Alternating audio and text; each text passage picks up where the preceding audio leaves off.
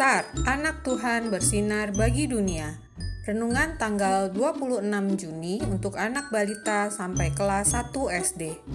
Diambil dari Kisah Para Rasul pasal 11 ayat 19 sampai 30. Karena Barnabas adalah orang baik, penuh dengan Roh Kudus dan iman, sejumlah orang dibawa kepada Tuhan. Tuhan mengutus. Suatu hari, Barnabas pergi ke Tarsus dan mengajak Paulus untuk melayani di Antioquia. Ayo Paulus, kita pergi ke sana.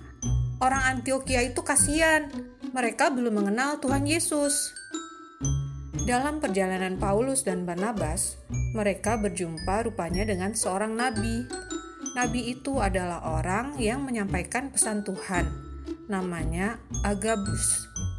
Agabus sibuk memberitakan pesan Tuhan. Kata Agabus, "Aku melihat akan ada musibah kelaparan besar di tempat ini." Wah, mendengar kabar ini, Barnabas dan Paulus segera bertindak. Ayo, kita kumpulkan bantuan buat orang-orang di Yudea. Akhirnya, orang-orang di Yudea mendapatkan pertolongan dengan baik. Wah, senangnya saling menolong. Adik-adik, Tuhan Yesus juga mau adik-adik saling menolong loh. Ayo, kita mulai dari sekarang.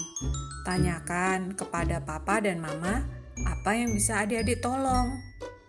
Lalu, ayo kita bantu kirimkan bantuan ke kota Yudea di gambar ini.